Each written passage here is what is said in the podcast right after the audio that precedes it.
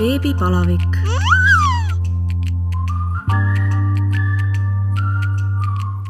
tere tulemast kuulama Õhtulehe podcasti Beebipalavik. mina olen saatejuht Katariina Toomemets ja täna on mul hea meel tervitada oma külaliseks vanemlusmentor Tanel Jeppineni, kelle nimi ilmselt lapsevanematele ei ole üldse tundmatu. tere, Tanel! tere, Katariina ja tere kuulaja ka! Eh, Tanel, alustuseks palun eh, tutvusta ennast ka enda sõnadega, kes sa oled, mis sa teed, kui palju sul lapsi on ja kui vanad nad on? sa oled mm. värskelt saanud ka kolmanda lapse isaks, palju õnne! jaa, nii on.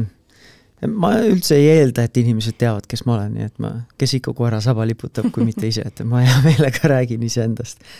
ma olen äh,, alustame sellest, ma olen mees, see on minu jaoks kõige olulisem roll, siis ma olen abikaasa ja siis ma olen kolme lapse isa nüüd jaa. meil äh, vanem tütar, ehk siis kõige vanem laps on tütar, tema saab nüüd, talvel saab üheksa, poeg on meil kuuene ja siis äh, pesamuna pisipoeg on äh, ühekuune. sa oled vanemlusmentor, mida see tähendab? no tegelikult ma suhteliselt ise leiutasin endale selle tiitli sest äh, ma ei osanud mitte midagi muud panna ja siis ma alguses jäin nagu selle külge ja, ja nii ta on nagu jäänud. aga noh, kokkuvõttes on see, et ma ei ole akadeemilise äh, taustaga, ma ei ole ülikoolis psühholoogiat õppinud, et ma olen siis täiskasvanuna ise koolitanud, äh, läbinud siis ühe, noh inglise keeles siis ongi parent coaching, nii-öelda sertifitseerimisprogrammi, mis kestis aasta ja, ja teinud, teinud siis seal selle väljaõppe ja nüüd hiljem veel nagu järjepidevalt kogu aeg juurde õppides nii teooriat kui ka, kui ka väga palju praktikat äh, ja testinud ja katsetanud enda pere peal, vaatan, mis töötab, mis ei tööta ja tegelikult praeguseks juba olen töötanud enam kui tuhande perega siis läbi online kursuste ja üks-ühele töö ja, ja siis sealt ka tagasisidet saanud, äh, mis, mis on töötanud, mis mitte ja, ja sealt siis järjepidevalt siis niimoodi tegutsenud sellel vanemlusvaldkonnal ja vana, lapsevanemate toetamisel.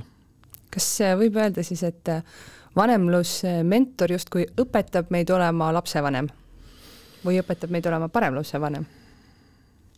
ma tahakski öelda, et võib, ma ei, ma ei taha nagu öelda, et ma õpetan, äh, sest ma ei tule nagu ma ei tea, näpuga näitama, et näed mm, -hmm. nagu minu jaoks see õpetamise sõna tegelikult ei ole üldse, kui ma neutraalselt vaatan, ta ei ole negatiivse tooniga, aga kui ma, esmane reaktsioon tuleb ikkagi enda koolipõlvest mm. -hmm. et õpetame, no keegi on punasega kuskilt sult alla joonud, see on vale mm. -hmm. aga noh, vanemluses ja üldse suhetes tegelikult ei ole väga palju selliseid asju, mis on nagu kategooriliselt valed mm. -hmm.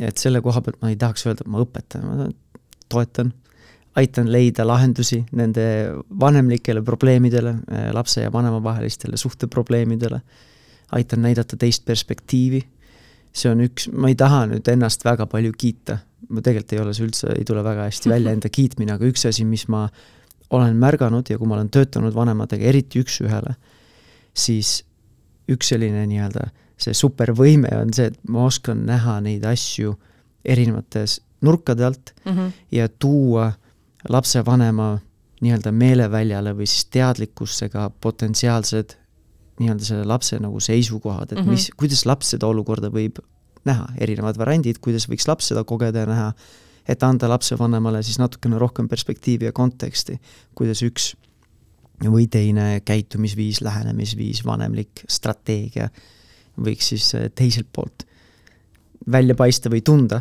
ja siis nad saavad ise sealt siis nagu mingeid otsuseid ja valikuid teha, kuidas nad ise edasi tahavad minna. kuidas sa tee sellise asjani üldse leidsid, olid sul endal juba selleks hetkeks lapsed, kui sa ennast äh, otsustasid koolitama hakata või oli see juba selline eelnev õppimine hmm.? ei, enne kui mul endal lapsed olid, mind tegelikult üldse lapsed ei huvitanud nagu sõprade lapsed said kuskil kokku, jätsid suhteliselt külmaks, et see on rohkem emade teema, et mm -hmm. lähed saad sõbrannaga kokku, kellel on väike laps, oi kui nunnu, ma tahan ka mm -hmm. või siis mhm. kas ma võin süles hoida või no eriti kui vast, vastsündinu, kas seda vastsündinu lõhna nuusutada. mul ei olnud seda absoluutselt. mul on kaksikvend ja mul on kaksteist aastat noorem vend.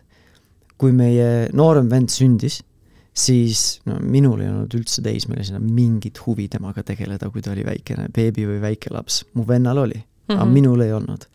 ehk siis mul ei olnud nagu mingit ma ei tea, kas ma ei taha öelda nagu jah, eelsoodumust või mingit hullult huvi vanemluse või mm -hmm. laste vastu äh, sinnamaani, kuni mu naine teatas uudisest, et meil on perelisa tulemas või me ootame oma esimest last.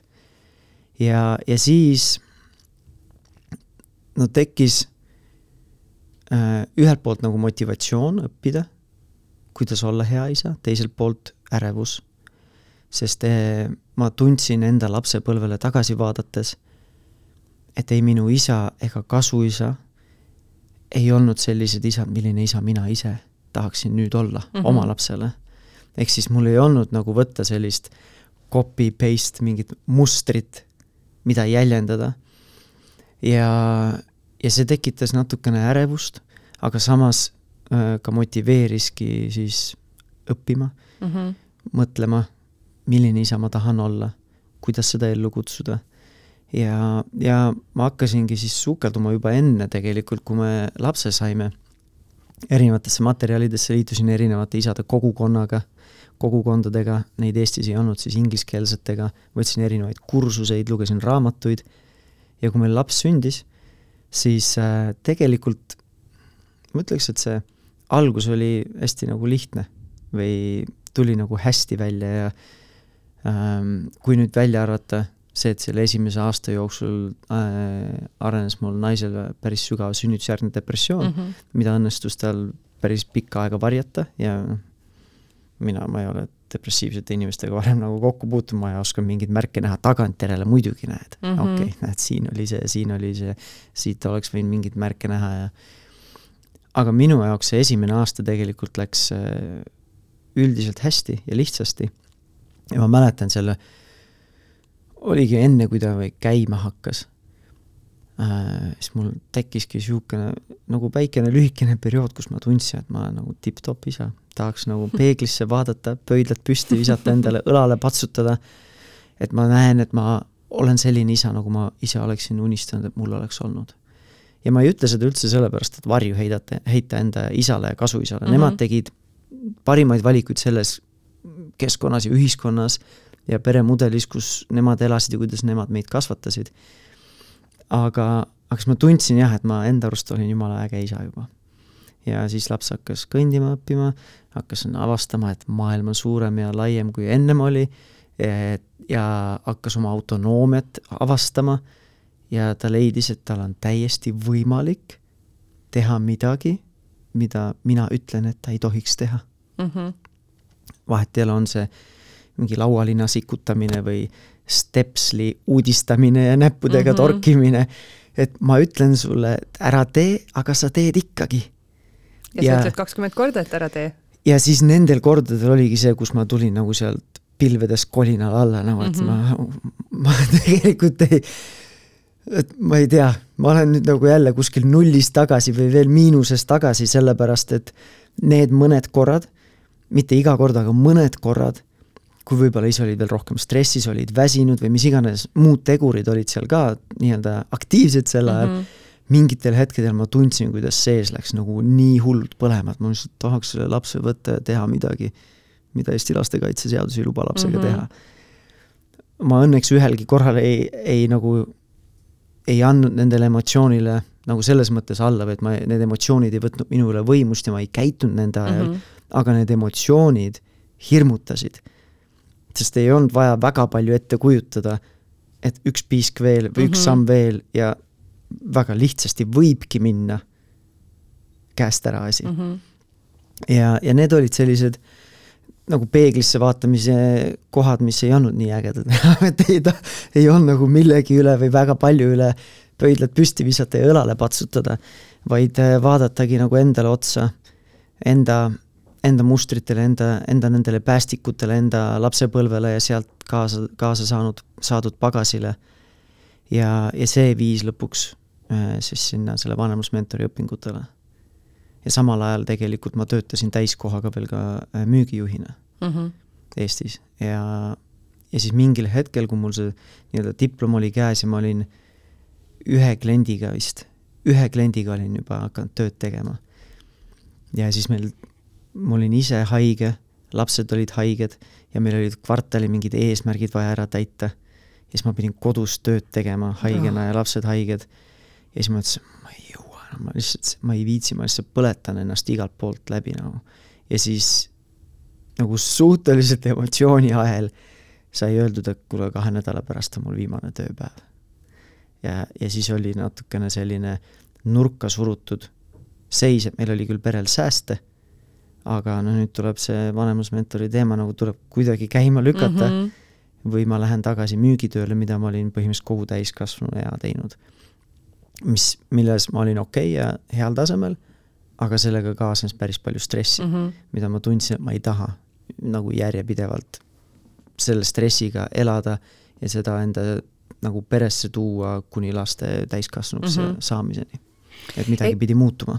ehk siis sa tegelikult äh, hakkasid äh, vanemlusmentoriks õppima lihtsalt selleks, et uuesti olla parem isa, aga, aga lõpuks äh, nii-öelda elu sundis valima, kas, äh, kas elad stressi all või hakkad, paned selle päriselt ka raha teenima? võib nii öelda? absoluutselt enda vajadusega, et ma et selles mõttes on mul nagu lihtne samastuda nende peredega, kes mulle kirjutavad või kes kursustele tulevad või kes tulevad üks-ühele tööd tegema, et ma, ma olen olnud seal kohas, kus ma mm -hmm. ei mhm. suuda ennast reguleerida, kus ma ei, mul on väga keeruline oma emotsioone reguleerida.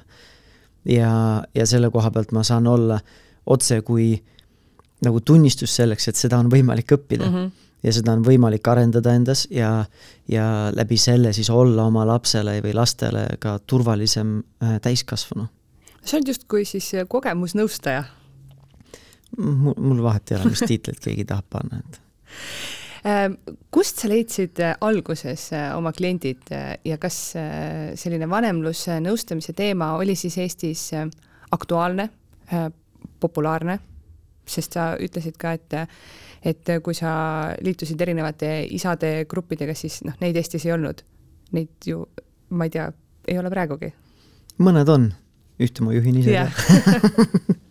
aga on küll mõnesid ja see on äge olnud näha, et kuidas üldse kogu see nii-öelda see vanemluse, ma ei tea, nagu valdkond on eh, rohkem populaarsemaks muutunud, kuidas on erinevaid äh, nõustajaid, abipakkujaid, erinevaid tugigruppe tekkinud eh, nii vanematele üldiselt kui ka tegelikult isadele mm. -hmm. see on äärmiselt äge näha ja tunnistada. et mul, mina enda hinges ei, nagu ei, ma ei, ma ei vaata kedagi kui konkurenti, kellest mm -hmm. ma pean parem olema või konkurenti, kes võtab minu, minu laualt leiva ära, vaid pigem seda, et me teeme, teeme nagu ühte asja ja seisame ühes sama või siis sarnase asja eest või väärtuse mm -hmm. eest. et äh, teha elu lihtsamaks.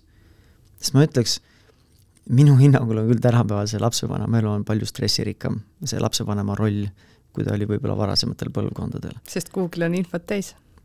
üks asi on see äh, ja, ja teine asi ongi, et seda infot on võib-olla isegi liiga palju mm -hmm. ja siis see, et üks tegur on see, et me tahame olla paremad, me püüame olla paremad ja siis mõnikord teine põlvkond või varasem põlvkond, siis nemad hakkavad juba rääkima, oo, aga see on see ja mm -hmm. see on nüüd jama ja miks nii, aga eelmine, meie ju saime kasvatatud, kuidas sina ei saa mm. -hmm. palju rohkem on pingeid peal. just ongi sellist nagu, võib-olla kui me vaatame ühiskonna tasemel nagu väljaspoolt lihtsalt ainult silmaga nähtavaid asju, siis võib-olla ei ole keerulisem mm, -hmm. sest meil on nagu lihtsam ja mugavam elu, kui mm -hmm. oli mhm. minu vanematel minu vanematel ei olnud autot näiteks mingide, mingi, mingi minu osa, lapsepõlve osa, on ju.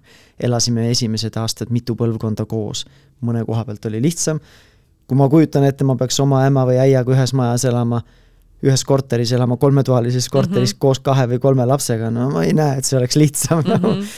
aga üldiselt oli, võiks olla, et ühiskond oli mugavam, on praegu mugavam mm -hmm. ja mhm. lihtsam, aga ma tunnen, et see mentaalne ja emotsionaalne selline koorem on palju suurem sest ju oma lapsepõlvest võetakse kaasa mingid asjad, nagu sa ka enne ütlesid, et, et sina ei tahtnud olla selline isa nagu, nagu sinu isa või, või kasuisa.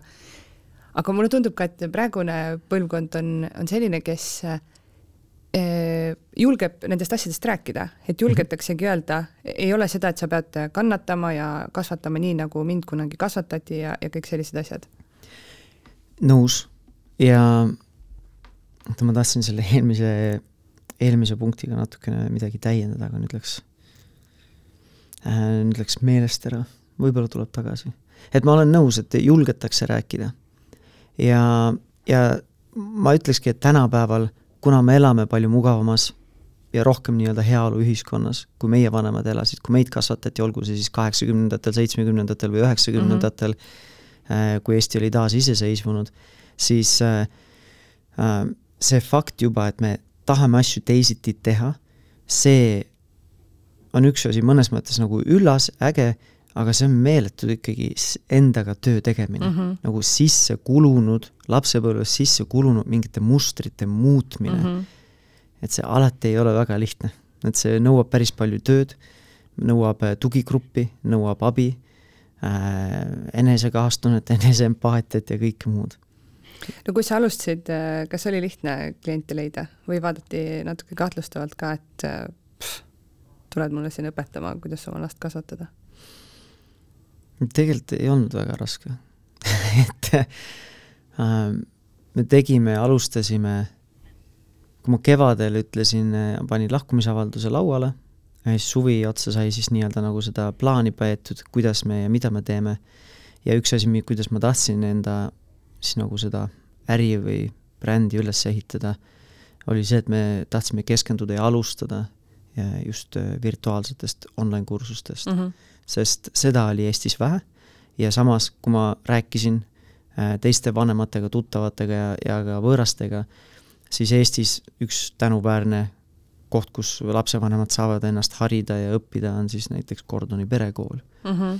kus paljud vanemad on käinud ja mis on nagu väärtuslik, väärtuslik ettevõtmine äh,, siis üks selline kitsaskoht, mis tuli hästi paljudelt vanematelt, kellega ma rääkisin, oli see, et enamasti käis seal üks vanem mm. -hmm.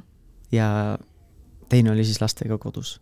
ja siis üks vanem tuleb ja hakkab teist last, lapsevanemat õpetama mm. -hmm. ja ma ei, mulle väga ei meeldi, kui mind keegi õpetama tuleb või, ja isegi ei olegi see ainult see õpetamise kohta, aga ongi jälle seesama tunne, mis tuleb täna teist korda juba teemaks, et kui keegi ütleb, et ma teen midagi valesti, siis mul ei ole väga lihtne seda sisendit või mm -hmm. seda mhm. tagasisidet vastu võtta. ja, või ma pean väga nagu teadlik olema ja nagu meelestatud olema, et võtta seda tagasisidet vastu, lasta selle sisse tulla. vaata, kuidas ma suhestun sellega ja nii edasi, et see nõuab ikkagi pingutust ja mhm. kohalolekut mm. -hmm aga nüüd, kui igapäevases selles möllus nagu funktsioneerida ja opereerida ja siis üks vanem hakkab õpetama, kuigi ise ka veel ei ole kõik asjad veel nii-öelda äh, nagu mitte isegi teoorias selged, aga ongi nagu noh, see ei ole mul uus muster, see ei ole mm -hmm. minu mhm. harjumus, vahepeal panen ikka mööda või enamus mm -hmm. kordades panen ikka mööda ja siis hakkan sinule näitama, et sina teed ka seda valesti, siis et siis see oli üks selline kitsaskoht, mis, mida ma sain korduvalt ja, ja siis tunduski, et selle online kursusega me saame selle vähemalt elimineerida mm, -hmm. sest sa võid seda videosid vaadata järele täpselt siis, kui sulle meeldib. laupäeva hommikul, kui lapsed magavad või laupäeva hommikul, kui, kui lapsed vaatavad oma hommikumultikaid mm, -hmm. siis vaatad selle kolmveerandtunnise mooduli ära, võtad töövihiku ette ja räägid oma kaasaga need asjad läbi, mida meie sellest arvame.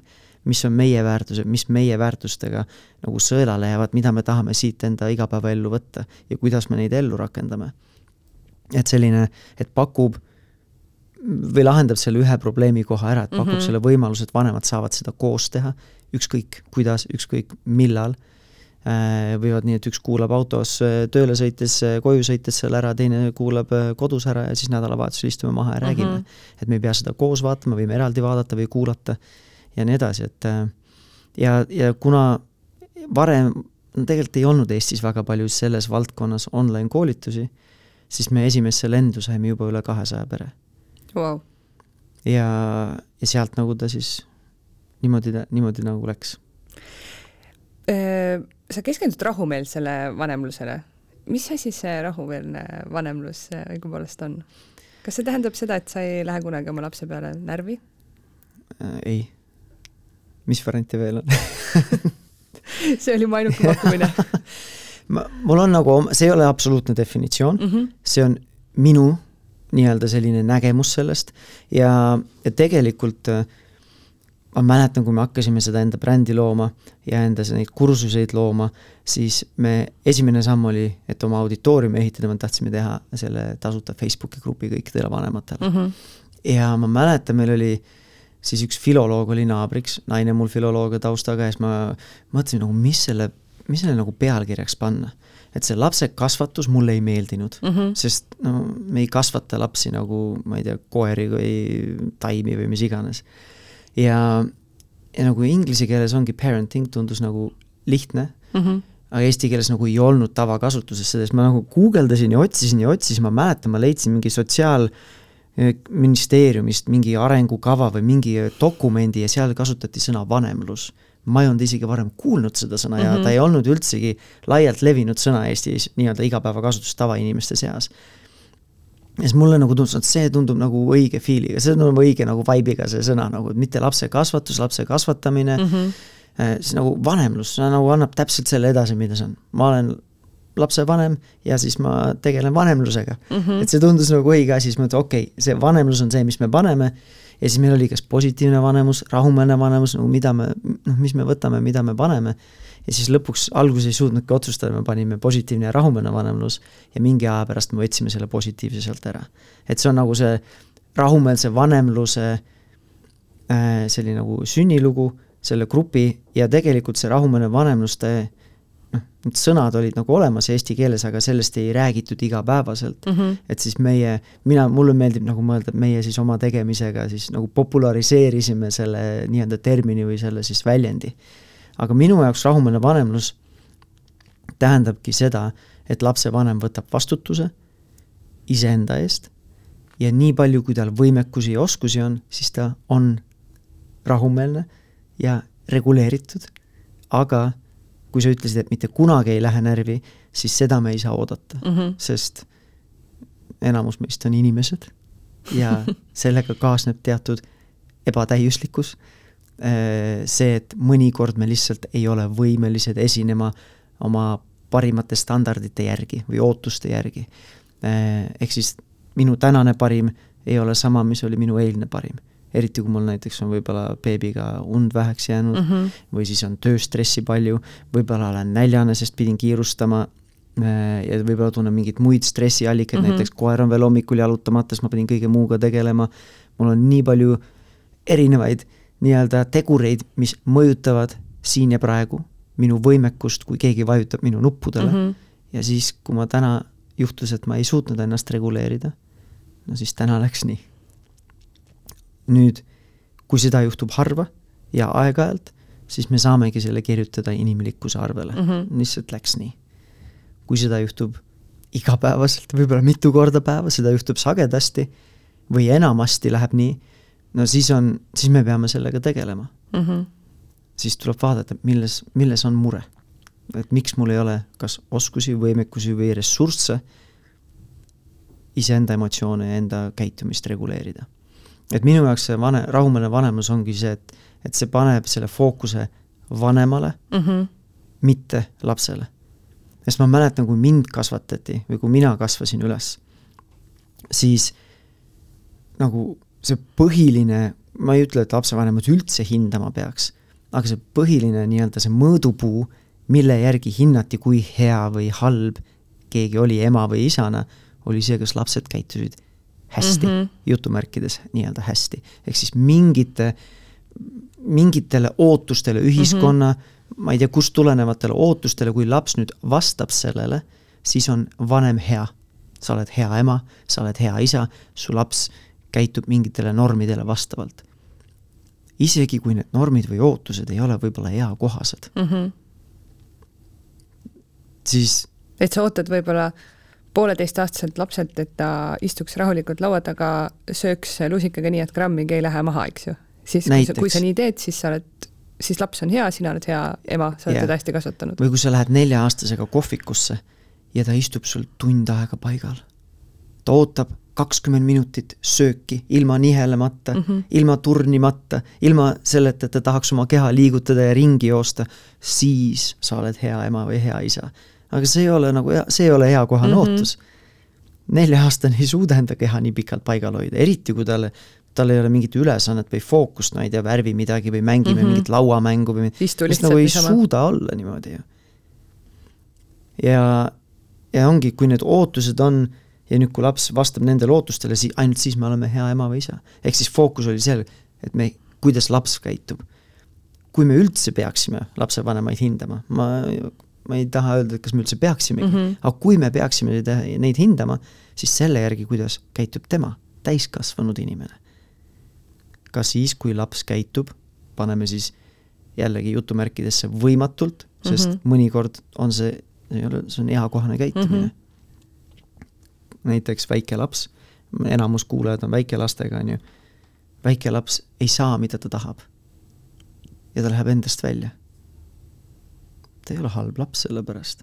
ta on, käitub täiesti adekvaatse kolme või nelja-aastase lapsena mm, -hmm. ta ei Mhm. suuda oma emotsioone ja impulsse reguleerida täiskasvanulikult, sest tema aju ei ole täiskasvanu aju tema aju on alles kolme või nelja-aastase mm. -hmm. aju, mis on üliimpulsiivne, üliemotsionaalne, üliplahvatuslik ja väga väikese eneseregulatsiooni võimekusega.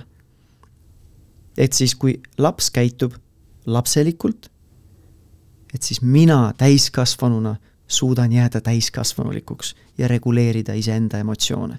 et see fookus on, kui mina räägin sellest rahumeelsest vanemlusest, vahet ei ole, kas on väikelapse ema, teismelise ema või isa, vahet ei ole, et see fookus on lapsevanemal mm. -hmm. kuidas mina käitun.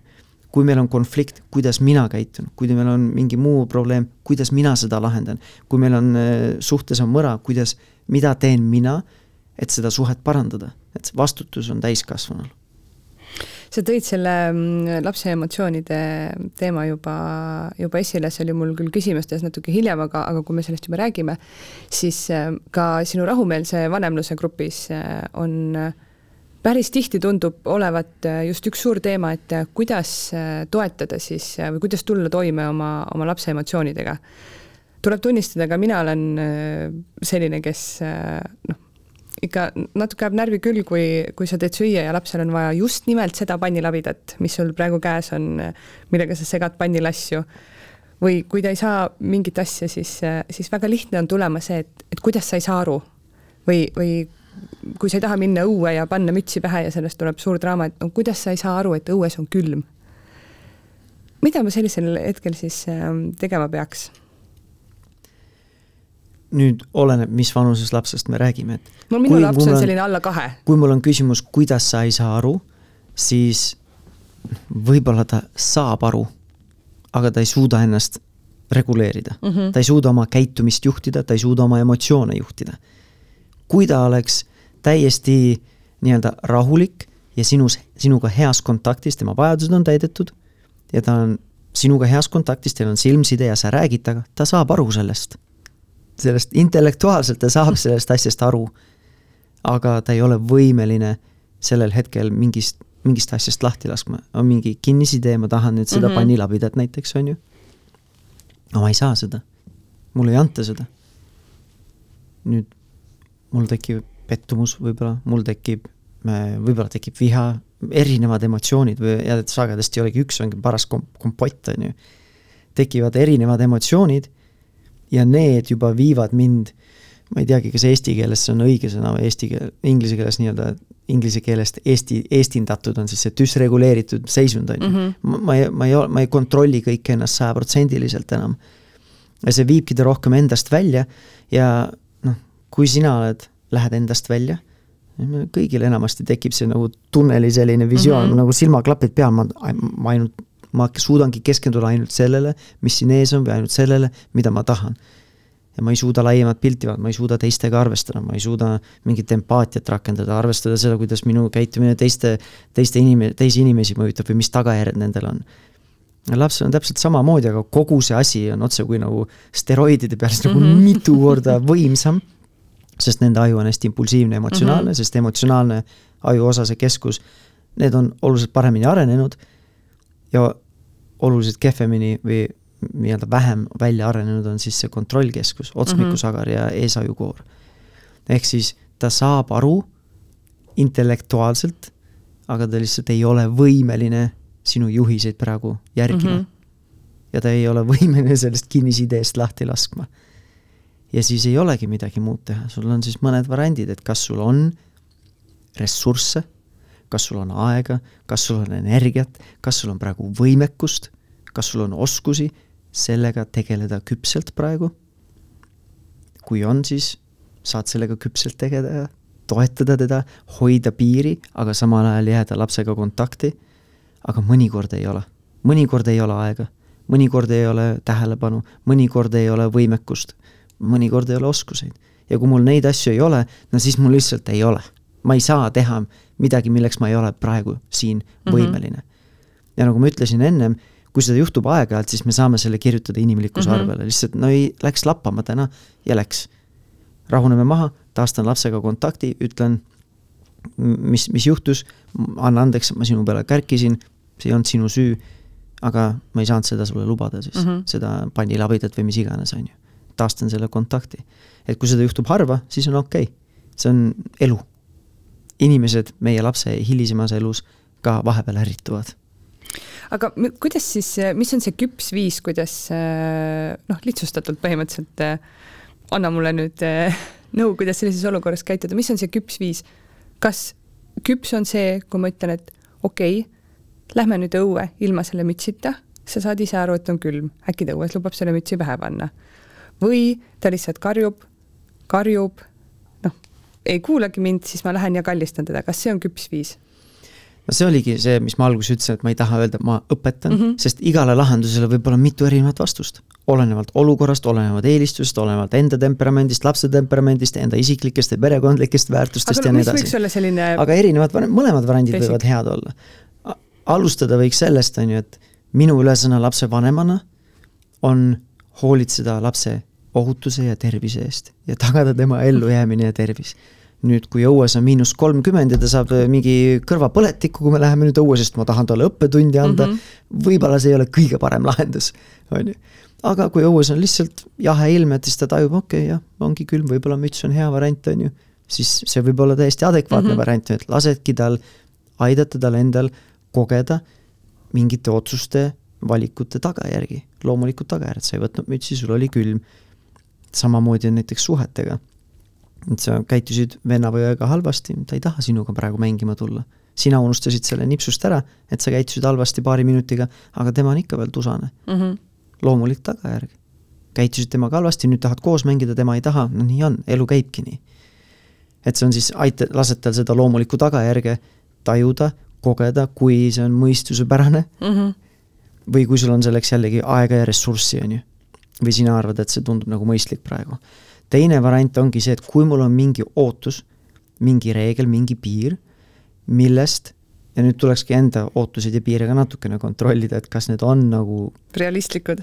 no jaa, realistlikud, kas need on eakohased ootused, kas need on asjakohased ootused, ja kui ma saan nendele vastata jah, et see on asjakohane, see on realistlik, see on eakohane, siis ja ma tunnen, et see on minu jaoks oluline piir, ma ei, see ei ole paindumatu praegu või paindlik siis ma saan sellele piirile kindlaks jääda.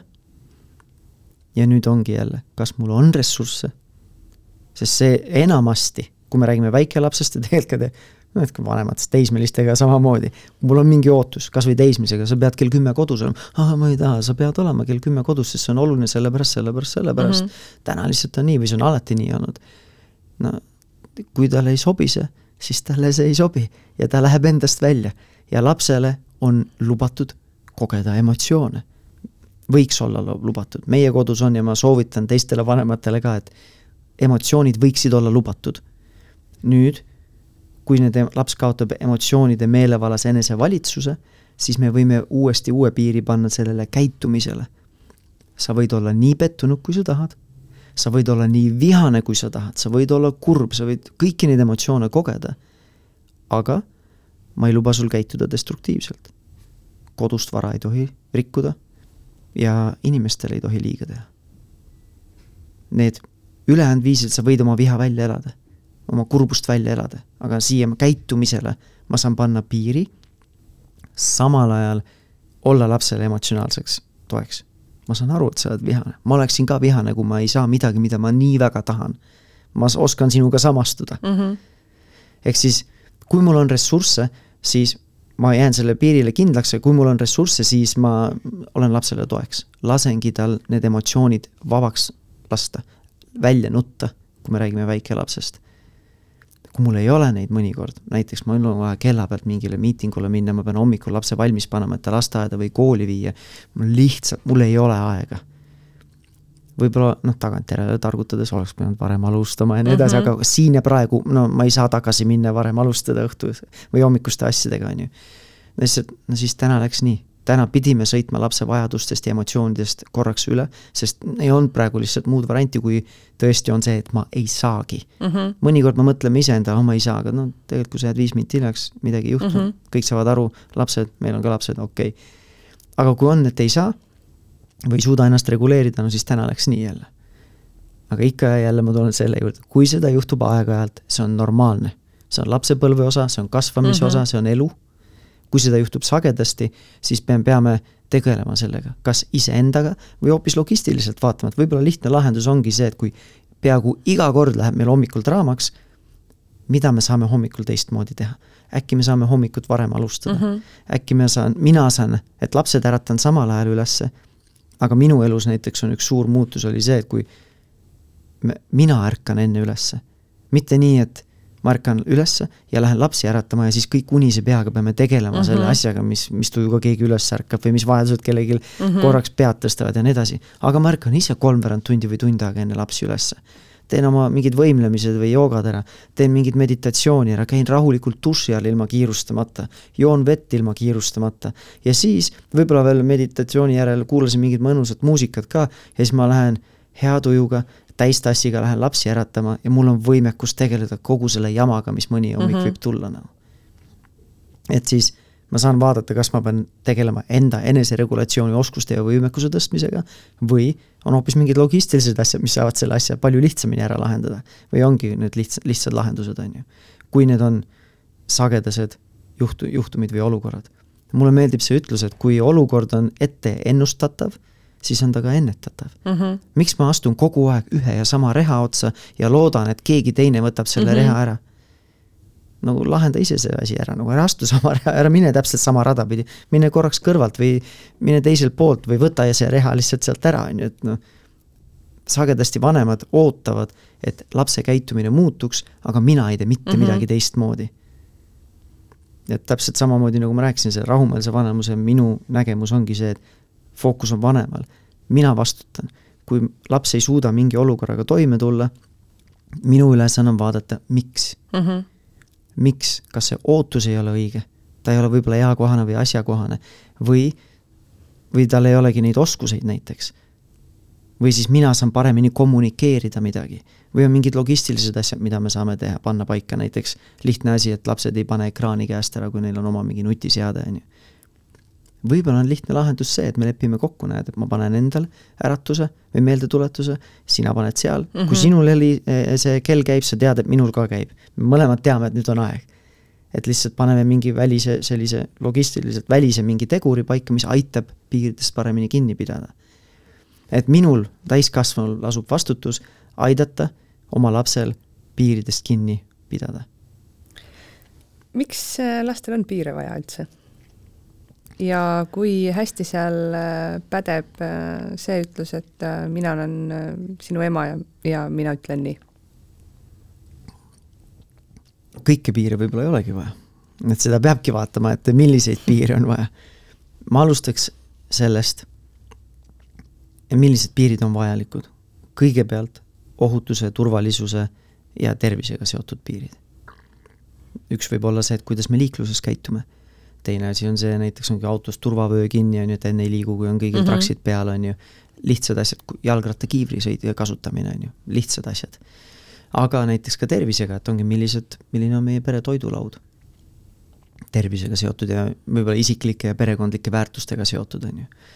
siis esiteks on siis see tervis, ohutus, turvalisus järgmine oleks see vanemate või isiklikud piirid, mis võivad vanemate, vanemati nii-öelda erineda aga need on olulised selleks, et minul oleks enda peres ja enda kodus hea olla.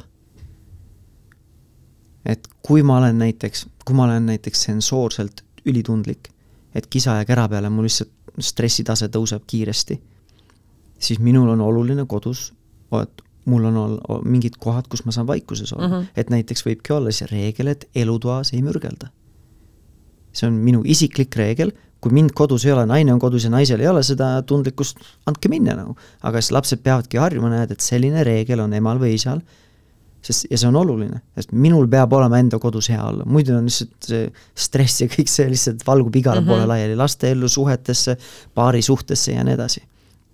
ehk siis alustaks ohutusest, turvalisusest, tervisest, siis isiklikud reeglid, mis on sinuga seotud, et sul oleks hea olla enda kodus. ja siis ülejäänud olekski sellised perekondlikud ja isiklike väärtustega seotud piirid ja siis ühiskondlikud ja sellised nagu normid, et on mm -hmm. reeglid, seadused, kõik need muud asjad. aga mida vanemaks saavad lapsed, seda nüansirikkamaks muutuvad ka reeglid ja piirid ja ma täna just hommikul töötasin ühe kliendiga ja rääkisime, et eh, kuidas tal siis üheksa ja kümneaastane kogu aeg küsib, aga miks, aga mis siis saab mm? -hmm. aga miks ma ei või sind lüüa, kui ma olen pahane nagu? mis siis saab, mis sa teed siis nagu no,? Me ei löö sind vastu ju. aga mingid tagajärjed sellel on ju. teed mulle liiga, mina, noh, sa teedki mulle liiga, sa tekitad, okei okay,, laps ei tekita, aga see tekitab, see käitumine, sinu käitumine tekitab minus halbu tundeid, halbu emotsioone. järgmine kord, kui sina tahad midagi teha, mul on väga raske sulle meele järele olla mm, -hmm. sest mul on kõik see halvad emotsioonid võib-olla sees. et laps saab aru, et tema käitumistel on tagajärg, tema käitumine mõjutab suhteid. aga samamoodi, mis ema nagu rääkis näiteks liikluses seadus on see, et punase tulega ei tohi minna autoga või jalakäija, on ju. et meil on see võimekus olemas, me saame ju minna punasega mm. -hmm. ma saan gaasi põhja panna, sõita punasega läbi ju. see on võimalik. aga seal on jälle mingid tagajärjed. kõige lihtsam tagajärg on see, et ma saan trahvi. halvim tagajärg on see, et keegi saab viga või surma. Et ongi, et noh, siis saab juba nüansi rikkamaks teha, aga mida mm -hmm. väiksem on laps, no seda lihtsamad need reeglid peaksid olema ja piirid ja mida väiksem on laps, seda, seda vähem ka võiks neid olla, et neid üldse hallata. kui, äh, kui sa oled lapsega kokku leppinud äh, mingi reegli või piiri ja siis ta astub sellest üle, kas siis lihtsalt katsetamiseks, unustab ära, noh, mis iganes, siis äh, kuidas sellega käituma peaks? Rahumeelne viis ilmselt oleks tõesti selgitada tagajärgi, aga noh, võib-olla vanast ajast on äh, ka selline vitsa ja rihma teema veel üleval. vahet ei ole, see võib olla kärkimine, mis iganes need impulsid sisse tekivad, on ju, et oleneb olukorrast, mõnikord, ma ei saa öelda, et kärki, kunagi ära tõsta häält oma lapse peale. aga kui ta reaalselt hakkabki mingit pastaka tera või sisu sinna stepslisse pistma nagu, oi, ära, ära kuule, kas see on mhm. ikka hea mõte praegu siis ongi, käratadki või ükskõik mis viisidel saada tema tähelepanu mm -hmm. ära, et ta sealt eemale tuleks ju. samamoodi kui laps jookseb. Läheb siin sekundiga sinna pistikusse. laps jookseb sõidutee poole. hei, hei, hei mm, -hmm. vot oo, rahulikult, rahulikult, no erandolukordades ongi see, need vahendid, need, need käitumisviisid, need lähenemised võikski olla erandolukordadeks mm, -hmm. kui ongi kriitiline olukord. sest kui me kogu aeg teeme nii, siis laps ei suuda eristada ka, kas nüüd on eriolukord või ei ole, see on igapäevane, igapäevane mm -hmm. karjumine, vahet ei ole nagu niikuinii kogu aeg karjume nagu. et siis need olu, need või-, võimalused või need lähenemised või see, need tööriistad meie tööriistakastis on need, mida me võiksime kasutada väga harva, siis kui on tõesti väga-väga vaja mm. -hmm. või siis, kui nagu me ennem juba ütlesime, siis kui noh, juhtub, et täna ei olnud see päev, kus ma suutsin ennast reguleerida, on ju. et need on sellised harva kasutatavad tööriistad. Aga need igapäevased tööriistad võiksid olla siis rohkem sellised küpsemad. ma arvan, et see, ükskõik, mis see olukord on, kui meil on kokku lepitud see piir, me võime rääkida sellest, kui nagu, mis lapse vaatevinklist on, aga kõigepealt nagu esmane ülesanne vanemana on reguleerida iseenda emotsioone. Või reguleerida neid impulsse, neid automaatseid mustreid, mis sisse tuleb, et tahaks kohe, ma ei tea, käratada või ma ei tea, võtta tast kuskilt kinni või sikutada või laksu anda või mis iganes muster kellelgi on, mis nagu sisse sõidab mis enamasti on see, kuidas meiega mingitel olu-, mingites olukordades käituti või kuidas meie seda kogesime. meie enda alateadvus ei taha nii-öelda oma lapsele haiget teha, aga tahab otse kui nagu oma last päästa mingitest asjadest, mhm. on ju. ehk siis esimene, esimene ülesanne on ikkagi iseennast reguleerida. et ma suudaksin, et mul oleks seda kohalolekut, proovida lahendada seda olukorda rahumeelsemalt. sest kui seda nagu automaatsesse mustrisse minna, siis see võib päris kiiresti minna, et tekitada mingi paus, ma ei tea, hingata, mõelda nüüd okei okay,, kuidas seda lahendada, no kui on aega, kui ei ole mingi kriitiline olukord. Aga nüüd lapsega, äh, lapse poolt vaadates olenebki piirist, oleneb lapsest, aga kui nüüd laps demonstreerib oma käitumisega järjepidevalt, et ta ei suuda sellele ootusele vastata, siis ta ei suudagi sellele ootusele mm -hmm. vastata. kas üldse või selles keskkonnas. näiteks kui mingi ootus on, mul ei tule praegu midagi pähe, aga mingi ootus, millele ta üldiselt suudaks vastata, et ta suudab selle ootuse järgi käituda aga näiteks hommikuti, kui ta on unine, ei suuda, õhtuti, kui ta on väsinud, ei suuda, või kui ta on näljane, ta ei suuda, või kui ta tuleb koolist või lasteaiast koju, ta on ülestimuleeritud ja ta on mingid pinged sees, siis ta ei suuda. aga kui ta on enam-vähem optimaalses meeleseisundis, siis ta suudab mm. -hmm.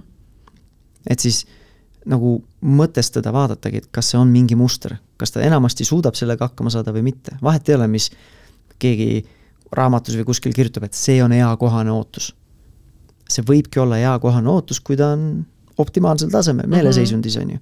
aga kui ta on pinges, kui ta on stressis, kui ta on väsinud, kui ta on näljane, kui ta tunneb ennast üksildasena, mis iganes, mingid põhjused võivad seal olla, siis ta enam ei ole suuteline. aga neid põhjuseid on ju väga keeruline, eriti väikeste laste puhul välja selgitada. Jaa, aga ma mõtlengi, et kui sa juba näed, et ta ikka mm -hmm. ja mhm. jälle ei suuda sellele ootusele vastata, siis see on signaal sellele, sellest, et kas me lihtsalt ei saa, muudame neid ootusi mm -hmm. või muudame keskkonda, et ma ei pane oma last sinna, sinna, sinna olukorda, kus tal ei ole võimalik võita mm. -hmm. noh, lihtne näide ongi, paneme pistikutele nende kaitsed peale, trepile paneme värava ette, on ju. Aiale paneme värava ette või paneme aiariivi kõrgele, et ta mm -hmm. ei saa mhm. sellest väljast, no uudishimu on nii suur aiast välja minna, noh. no ta, ma ütlen ära mine, aga ta ikka, nii kui ma selja pööran, ta läheb et kas see on see, et ta teeb seda meelega või ta lihtsalt ei suuda sellest uudishimust ilma mm -hmm. eemal hoida, noh. see on sama, et kui ma panen siia, mis iganes su lemmikmagustoit on, aga sa tead, et ei ole tervislik nagu magustoitu kolm korda päevas või neli või viis korda päevas süüa, on ju, aga see on su lemmikmagustoit, panen selle siia ette, enamasti sa suudad mõelda, noh, see ei ole vist kõige targem valik praegu jälle seda süüa, on ju. aga kui sa oled väsinud, sa oled stressis, sinu võimekus teha paremaid otsuseid langeb sellega. vähemalt minu puhul langeb ja paljudel teistel, kellega ma olen töötanud, on ju.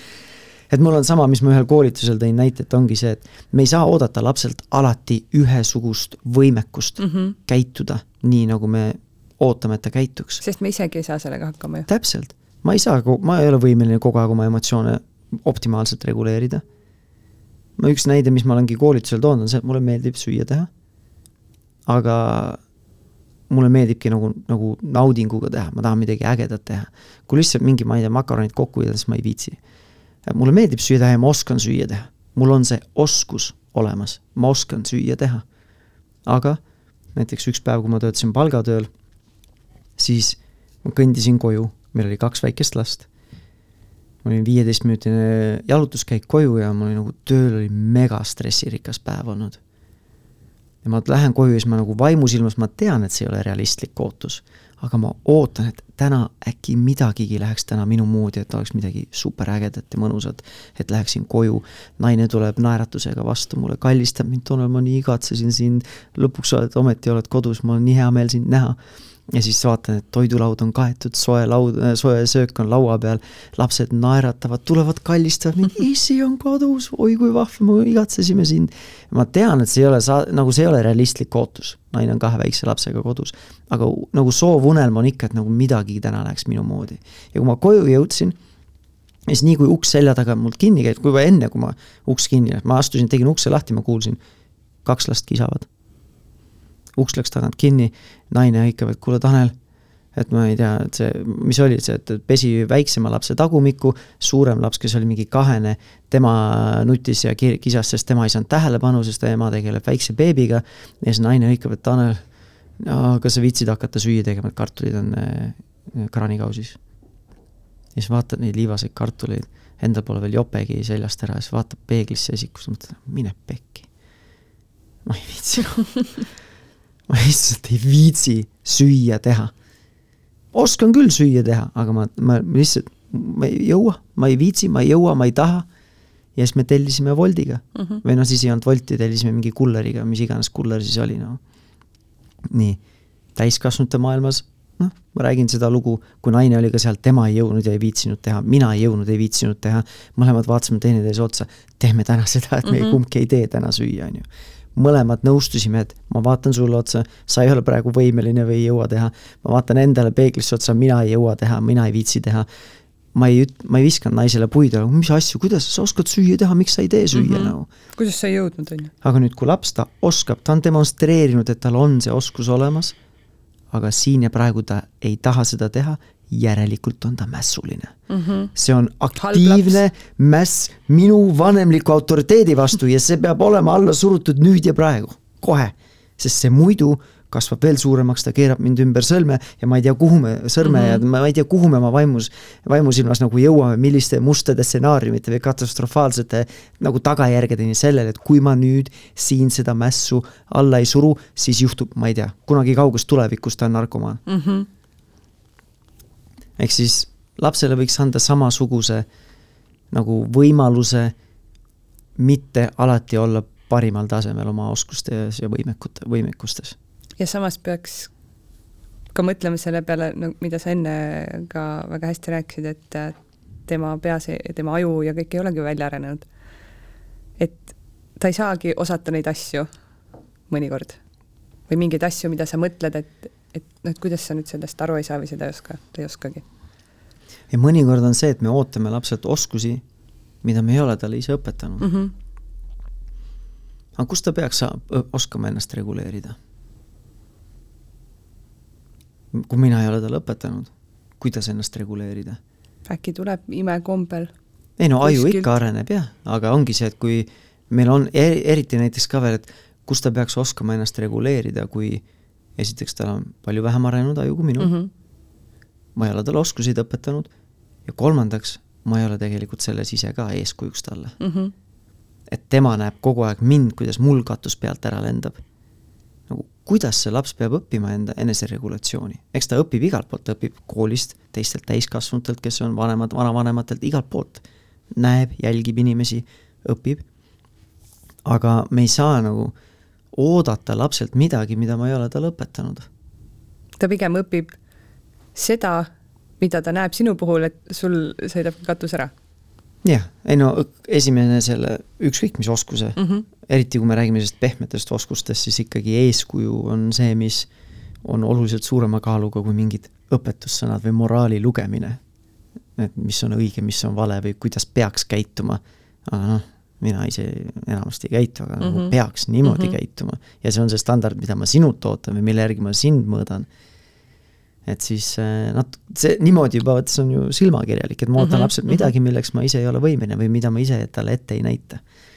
et siis see ka nagu, see on, ei ole päris nagu õige.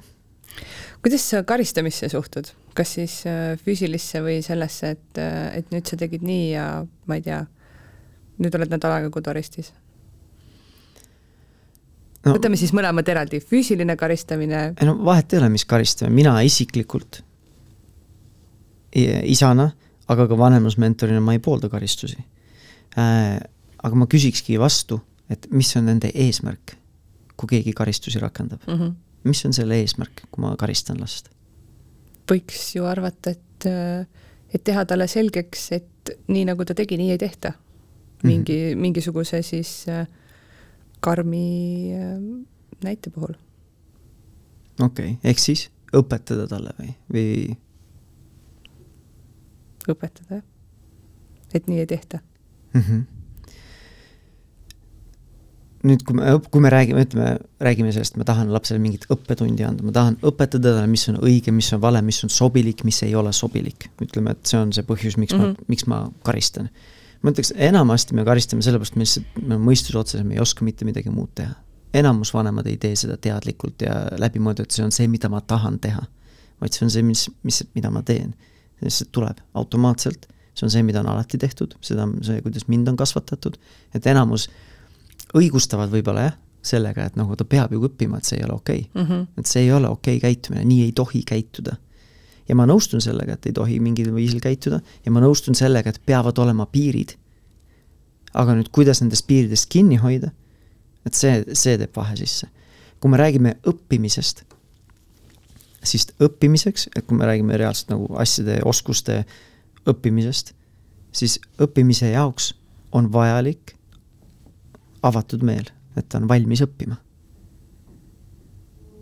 nüüd, kui ma karistan last, vahet ei ole, kas see on füüsiline karistus või kui ma võtan talt mingeid õiguseid ära ja eriti, kui sa ise olen ka reaktiivne, siis ma nagu teen seda veel hästi selliselt demonstratiivselt, nüüd sellepärast sa jääd ilma mm. -hmm. ise oled süüdi, sina söö see, see ja nii edasi, tuleb mingit kärkimine ja, ja süüdistamine ja nii edasi.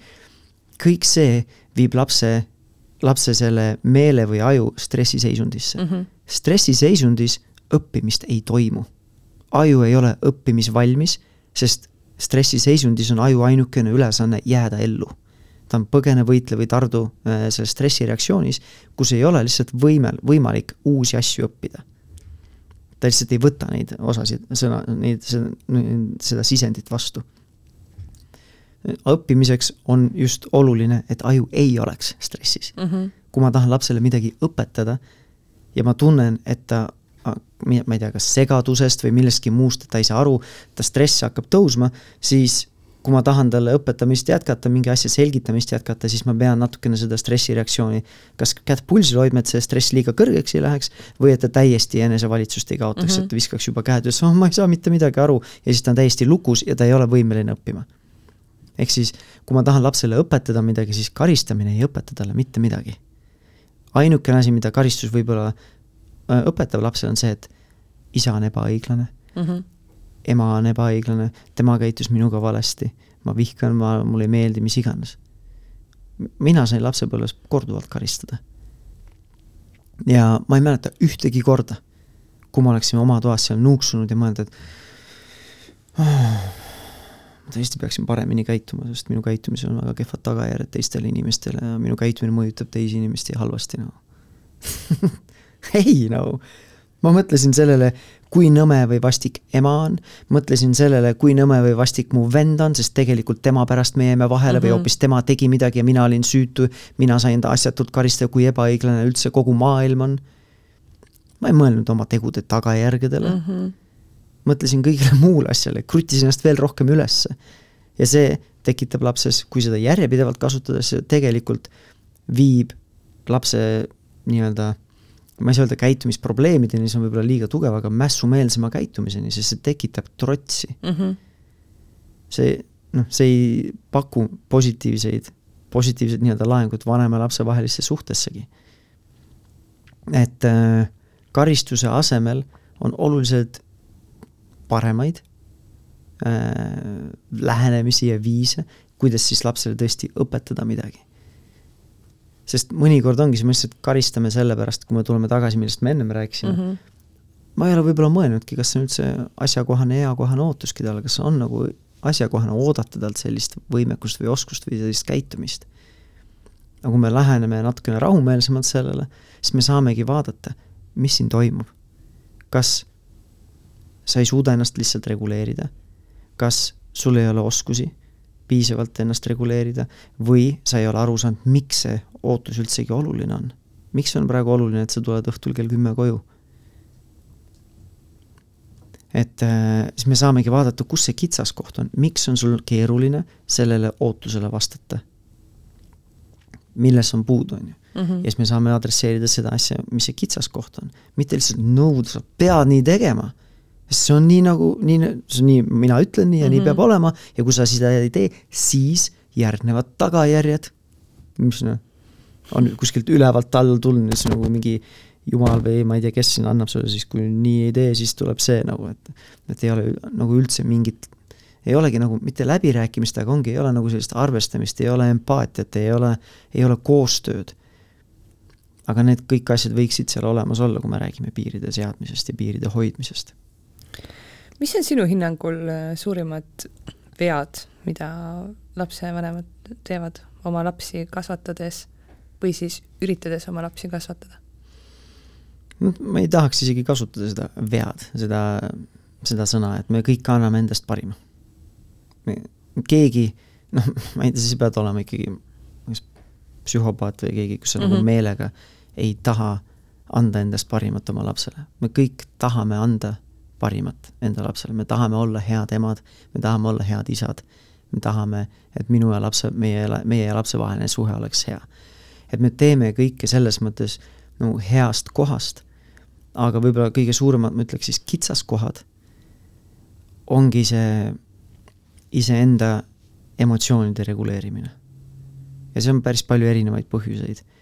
Äh, sest kui see oleks korras, siis kodune õhkkond on hoopis, hoopis mõnusam kõikidele osapooltele ja vanematele endale ka.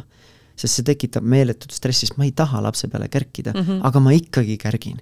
ja siis mul on veel see süütunne ja siis ma näen, kuidas lapsel on raske mm. -hmm. ja siis on kõik need mingid muud enda lapsepõlve asjad tulevad üles ja siis nagu nii palju, nii palju neid nagu keerulisi või suure nagu laenguga emotsioone. et et kui me saaksime enda võimekust tõsta äh,, reguleerida oma emotsioone, olla sellega rahumeelsem, turvalisem lapsevanem oma lapsele, pakkudes küpsemat ja paremat eeskuju lapsele, kuidas suht-, suh-, suhelda, kuidas suhtuda teistesse inimestesse, kuidas lähedastega suhelda, kuidas suhteid hoida, kuidas suhteid taastada, kuidas oma emotsioone reguleerida, kuidas iseennast juhtida, siis äh, väga paljud asjad kodus oleks oluliselt lihtsamad. kas on ka nii, et äh, mingit sellist äh, vanust või, või aega, et äh, ütleme, kui, kui ma olengi võib-olla selline lapsevanem, kes, kes tõesti iga päev karjub oma lapse peale ja ma saan võib-olla aru ühel hetkel, et see pole, pole okei okay,, hakkan sellega tegelema, aga, aga juba aeg on möödas, et mu laps on näiteks viieaastane, ma olen ja, ja mul võttis viis aastat aega et aru saada, et see pole okei. Okay.. kas on siis see mingi selline vanus, kust maalt on juba see, et damage is done ja, ja ei ole võimalik enam neid suhteid parandada mm? -mm, ma, ma ei ütleks, et on, selles mõttes, et loomulikult kõik meie varasem käitumine, kuidas me lapsega oleme käitunud, see mõjutab äh,. mõjutab minu ja lapse vahelist suhet, mõjutab tema võib-olla isegi ärevust, tema võimekust ennast reguleerida äh,, eneseväärikus, enesehinnang, kõik need muud asjad. aga hilja ei ole mitte kunagi. ja seal ongi selline keeruline koht lapsevanemale, et kuidas võtta vastutus enda senise käitumise eest, ilma et sa hakkaks ennast tümitama mm. -hmm. sest vastutuse võtmine on oluline, oluline samm, et nüüd ma tahan edaspidi teist, teistpidi teha. aga kui ma hakkan ennast tümitama, ennast nagu maha tegema mm, -hmm. ennast süüdistama, siis võib selle, see allakäiguspiraal võib viia väga mustadesse kohtadesse. ma olen oma lapse ära rikkunud, see on lootusetu, mina olen kõiges süüdi ja kõik, igas muid märke, mida sa näed lapse käitumises mm, -hmm. jälle kõik tuleb minu kaela ja nii edasi, et et sellele peab panema kuidagi stopi, kui ise ei saa, siis tugigrupi abiga, terapeudi abiga, et jah, see ei olnud kõige optimaalsem, kuidas ma siiani olen võib-olla käitunud ja ma saangi edaspidi otsustada, ma tahan teistmoodi teha, aga me keegi ei saa tagasi minna mm. -hmm. meil ei ole võimalik tagasi minna, aga meil on võimalik siit tänasest hetkest teha mingeid korrektuure. korrektuure, kuidas me edaspidi lahendame neid olukordasid ja teise koha pealt, kuidas ma seda suhet ise taastan. kuidas ma, kuidas ma kontakti taastan, kuidas me uuesti lähedas, lähedust saame rohkem suhtesse tuua et samamoodi on ka ju äh, abielupaare, kes taastuvad äh, petmisest, on võimalik mm. -hmm. et neid suhteid on võimalik parandada, kui süda on õiges kohas, motivatsioon on ja vajadusel, kui sul ei ole oskusi ja võimekusi, siis sa tegeled sellega, et sul tekitaksid endast need oskused ja võimekused teistmoodi edasi minna. ja enesetümitamine on selles mõttes suhteliselt ka ju mõttetu, et see paneb sulle jälle mingi sellise lisakihi peale, et sa pead sellega tegelema, kuigi sa oled juba võtnud vastu otsuse, et, et ma tahan saada paremaks ja, ja olla parem, aga siis sa ikkagi tümitad ennast, siis see, tekivad nagu käärid. ei no see, see võtabki, see on ikka megaraskus kogu aeg õlgadel.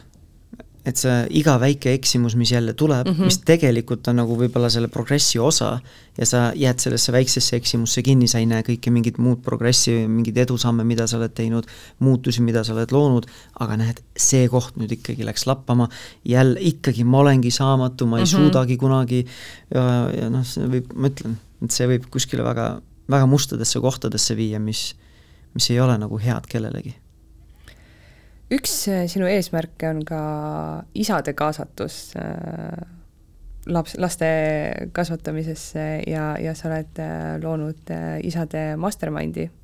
mis see on, kas see on nagu beebigrupp isadele? beebigruppe on Facebook täis, üheksakümmend üheksa koma üheksa protsenti neist on, nende liikmetest on ikkagi emad mm. -hmm ma beebigrupiks ei tahaks juba nimetada teda mitmel põhjusel, sest mina ei ole beebigruppides olnud, aga ma olen kuulnud, mis seal toimub ja see ei ole sagedasti väga produktiivne, et vahepeal käiakse lihtsalt seal tuulutamas ja kurtmas ja ja jah, võib-olla partnerile varju heitmas ja nii edasi mm, -hmm. et mhm. ja teise koha pealt on see, et meil ei ole ainult, meil ei ole seal üldsegi nii-öelda värsketele isadele mõeldud see. meil on isasid, kellel on väikesed beebid meil on isasid, isasid, kellel on ainult ühe-kaheaastased lapsed, aga meil on isasid, kellel on täiskasvanud lapsed. ja siis võib-olla mõni teismeline veel või on täiskasvanud laps ja siis on veel mõni kooliealine laps. et meil on, ma arvan, et vanuse poolest kuskil sealt ka kahekümnendate lõpus kuni siis viiekümnendate alguseni on isad meil seal. ja lapsed siis alates beebidest, kuni mõni ootab laps, laps, last ja kuni siis täiskasvanud lasteni ja meie kokkusaamine või see kogu see point ei ole meil lihtsalt mingi, saame kokku ja mingi tuulutame ja kurdame ja räägime, vaid me oleme kõik, mis meid ühendab, me oleme väga erinevates valdkondades tööl, on töötajaid, on ettevõtjaid, on äh, nagu eri, erinevaid inimesi. aga mis meid seob, on see, et me kõik väärtustame peret, me väärtustame suhet lapsega, me väärtustame isa rolli me tahame olla paremad isad ja mõned on ka lahutatud isad, aga me soovime olla paremad kaaslased oma, oma ka, oma abikaasale või oma naisele, oma lapsevanema, teisele emale, teisele, teisele vanemale. et, ähm, et see nagu motivatsioon või selline, need väärtused on need, kus on see kattuvusala. ja, ja see on see, mille põhjalt me nagu opereerime, et me tegutsemegi põhimõtteliselt ainult nendes kolmes erinevas valdkonnas, me räägimegi nendel teemadel, kuidas olla ise parem mehena ja inimesena, kaasa arvatud hoolitseda iseenda tervise eest, meestel sagedasti kipub see tagaplaanile jääda, sest on vaja nagu pere nimel ohverdada mm -hmm. ennast ja enda tervist, nii emotsionaalset, vaimset kui ka füüsilist tervist. et tegeleme füüsilise, vaimse, emotsionaalse tervisega, et mul endal oleks enda nahas hea olla ja ma tunneksin ennast hästi. mitte ainult füüsiliselt, aga ka vaimselt ja emotsionaalselt. ma kogen, tunnen ennast hästi emotsionaalselt, mul on võimekus ennast või võimekus äh, reguleerida oma emotsioone, võimekus nagu nautida midagi, kogeda positiivseid emotsioone, olla hetkes. ma ei võta töömuresid koju kaasa, koju, kodumuresid tööle kaasa ja nii edasi. et meil on need füüsilised, vaimsed, emotsionaalsed võimekused ja heaolu, räägime vanemlusest ja lapsega suhtest ja räägime paari suhtest.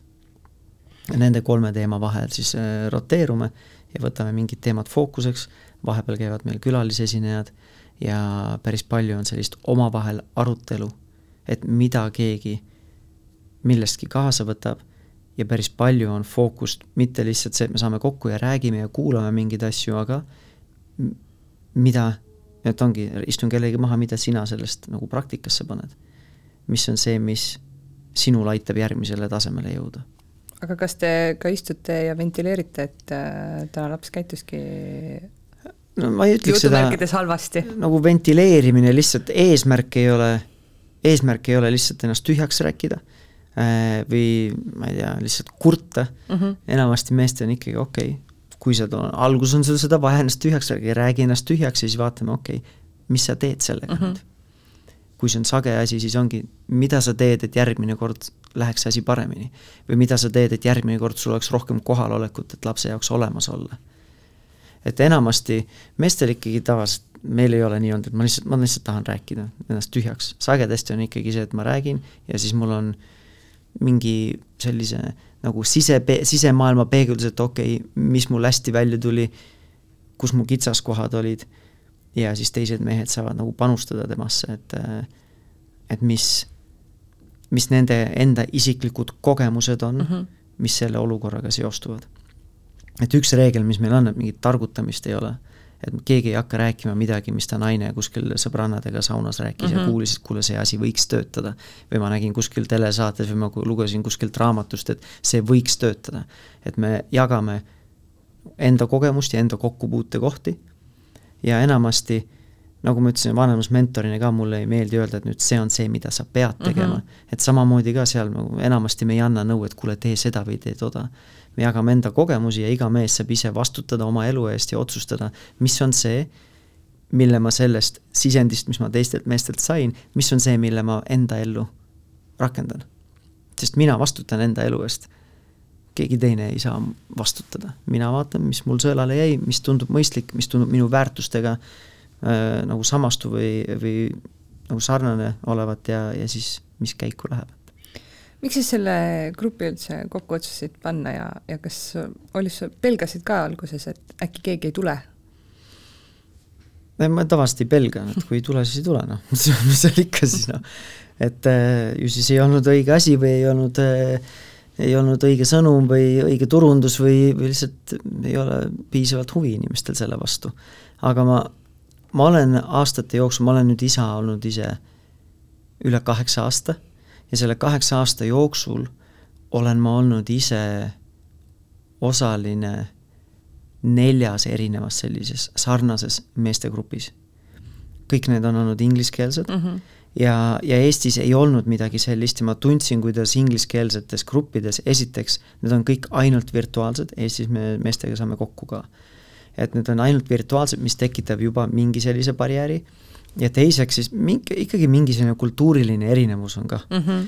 erinevate riigiti ja maailma osade ja, ja, ja nii edasi ja lisaks siis veel kõnede ajad, mõnikord mingi ajatsoonid on nii ebasobilikud, et siis nende aastate jooksul ma olen neljas erinevas grupis olnud ja ma olen tundnud seda väärtust, mida, mida mina olen sealt saanud, kui ma olen mm -hmm. saanud jagada ruumi ja iseenda elu teiste meestega, kellega mul on sarnased väärtused ja ma tahtsin seda endale luua. et mina ise, kuigi ma vean seda gruppi, ma ise olen ka seal liige, ma ise mm -hmm. teen neid asju kaasa.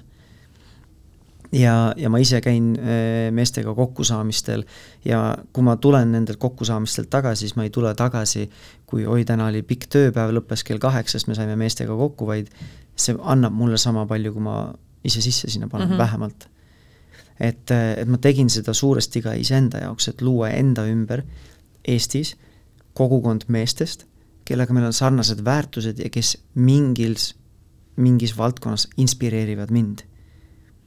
et mehed, keda, kellele mina saan mingites kohtades samamoodi alt üles vaadata, vahet ei ole, olgu see siis investeeringutega, paarisuhtega kellelgi, keegi on oma business'it ehitanud kaua, inspireerib sellega, või lihtsalt see, kuidas ta ennast ülal peab, kuidas ta mehena nii-öelda siin maailmas nii-öelda siis ma ei oska paremat sõna öelda, nii-öelda nagu esineb, kuidas ta mm -hmm. mehena on siin.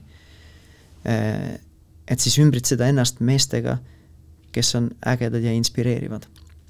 kui ma kuskil foorumites vaatan ja nagu räägitakse, et Eesti mees ja Eesti isa on nagu mingi lohno, et mingi ei ole tast asja ja ta ei võta laste, laste elust osa ja ta ei, ta ei, ei suuda paari suhtesse panustada, see ei ole minu reaalsus mm. -hmm. minu ümber on mehed, kes on nagu superägedad ja inspireerivad. mitte, et nad on, nad ei ole täiuslikud, keegi meist ei ole täiuslikud, igalühel on omad teemad. Aga üldpildis nagu mind ümbritsevad mehed, kes on ägedad, inspireerivad ja kes väärtustavad lapsega ja naisega suhet. ja kes väärtustavad seda, et nad võtavad vastutuse enda elu ja enda suhete eest ja on valmis tegutsema. nii et ma loen ja ma saan aru, et see on mingi Eesti reaalsus mm, -hmm või ühiskonna reaalsus, ühiskonna osa, aga see ei ole see, millises väikeses oma mullis mina elan. et minu elu ei ole see. See, sa juba ütlesid ka, et, et foorumites on selline, et, et Eesti isa on koba ja tundetu. kust see tuleb, see tegelikult ju ei ole ainult Eesti teema, vaid ka näiteks, kui sa vaatad Instagramis mingeid reels'e, siis noh, kõige lihtsam näide on see, et äh, lapsel on seljas podi kirjadega käsi käib siia, jalg käib siia ja see on suunatud isale. noh, et kust tuleb selline suhtumine, et isale on vaja sellist elementaarset asja õpetada, kuidas oma lapsele särki selga panna? no kui me räägime sotsiaalmeedia sisust, siis, siis see on lihtsalt selline no inglise keeles see low hanging fruit ehk siis nagu lihtne asi, millega inimestel nii-öelda ma ei tea, ma ei saa öelda isegi, et naeru välja teenida, lihtsalt võib-olla muhelema panna, okei okay,, see on jah naljakas, sest vahepeal isad ei saa aru või isad teevad asju teistmoodi. et ma arvan, et see on, see ongi selline nagu lihtne asi, mille üle nalja heita ja, ja see on natukene võib-olla ka sellist varasemast ajast tulnud nagu pärand, et see on see, mille üle on lihtne nalja heita. sest ma oma raamatus nagu kirjutan ka, meil üks peatükk on äh, isadest või isadele. ja, ja see on nagu, raamatu selle peatüki alguses kirjutan ka, et see on nagu kummaline, kuidas isad on nagu otse kui täiesti teisejärgulised lapsevanemad mm -hmm. olnud nagu põlvkondi Äh, ja, ja see tuleb nagu sellest, et ongi lapse kasvatamine on väga naistekeskne olnud ja isasid kas ei ole lastud ligi või siis ühiskonna toimimise nagu, kuidas ühiskond toimib, siis nagu logistilistel põhjustel neil ei ole võimalust võtta osa. sest nad, isad on tööl olnud, on tehastes mm -hmm. olnud, on põllu peal olnud kunagi ammu, naised olid need, naised, vanaemad, tädid, kõik nemad on need, kes on lapsi kasvatanud ja hilisemalt ongi kõik õpetajad, lasteaiakasvatajad, nemad on ka kõik on naisterahvad. ja tegelikult, kui rääkida nüüd vana, vanaisadega, kes on seitsmekümnendates, kaheksakümnendates, siis nad ütlevadki, nad ei võtnud, nad ei saanud lapsepõlvest osa, oma laste lapsepõlvest osa. ja, ja nii mõnigi ütleb, et aga nad oleks tahtnud mm. -hmm. Nad oleks tahtnud osa saada, nad oleks tahtnud olla rohkem kaasatud, aga kas neid ei lastud või nad ei saanud et äh, ja, ja see ongi kuidagi nagu ajast tulnud, et see on selline, isad on meedias ja just, just nagu meelelahutuses sagedasti olnud selles nagu pilkealused mm. -hmm et vaadatagi, no mina olin äh, teismeline, siis vanemad vaatasid Al Bandit ja Tuvikesi, no no jumala ebakompetentne täiskasvanu mm -hmm. ju. mitte ainult isana, aga üldse mehena ju täiskasvanud inimesena Äh, ja siis nagu edasi vaatad mingi Homer Simson mm, -hmm. Simsonites, no, no ja, süda on õiges kohas, aga nagu ma ei tea, no ma ei tahaks olla ise tema nahas nagu, et no või siis edasi see, äh, mis on see äh, perepea, Family Guy on ju mm, -hmm. Peter Griffin, täpselt samamoodi nagu nii palju isasid igast komöödiasarjades, nad ongi natukene sellised nagu meeslapsed mm. -hmm. Tim the Toolman, samamoodi nagu, et noh kuidagi, et ongi otse kui kolmas või teine või neljas laps sellele emale, on ju, et et see on selline stereotüüpiline ma ei tea, komöödiasarja mm -hmm. selline, kui ühe, ühte pere jälgib mingi äh, nagu sari, on ju. et mis on see isa roll, see on kuidagi selline, ma tunnengi, et nagu lihtne nagu low hanging fruit, mille mm -hmm. üle nalja visata. aga tänapäeval ma ütleks, et eh, noh, tänapäeval võib-olla neid sarju minu arust ei ole enam nii palju ja tänapäeval minu arust ikkagi mida aeg edasi läheb, seda äh, seda rohkem mina näen küll, et isad tahavad osa võtta, isad tahavad vastutust võtta. aga kas rohkem... naised lasevad ka? no see on teine asi, et ongi see, et ka noh, naiste enda juba või emade enda peas, et kas on okei okay,, kui mees teeb midagi teistmoodi. kui ta paneb seda või peseb äh, beebipeput teistmoodi. kui see ei ole just niimoodi, et noh, et mingit põletikku ei tule mm -hmm. ja et mhm. noh, et nagu loogilistel põhjustel, kuule, sa pead seda selliselt tegema, on ju või kui ta riietab teistmoodi või kui ta paneb last teistmoodi magama või kui tal on omaenda rituaalid või rutiinid, oma viisid, kuidas lapsega käituda. on täiesti okei okay ja see rikastab lapse maailma.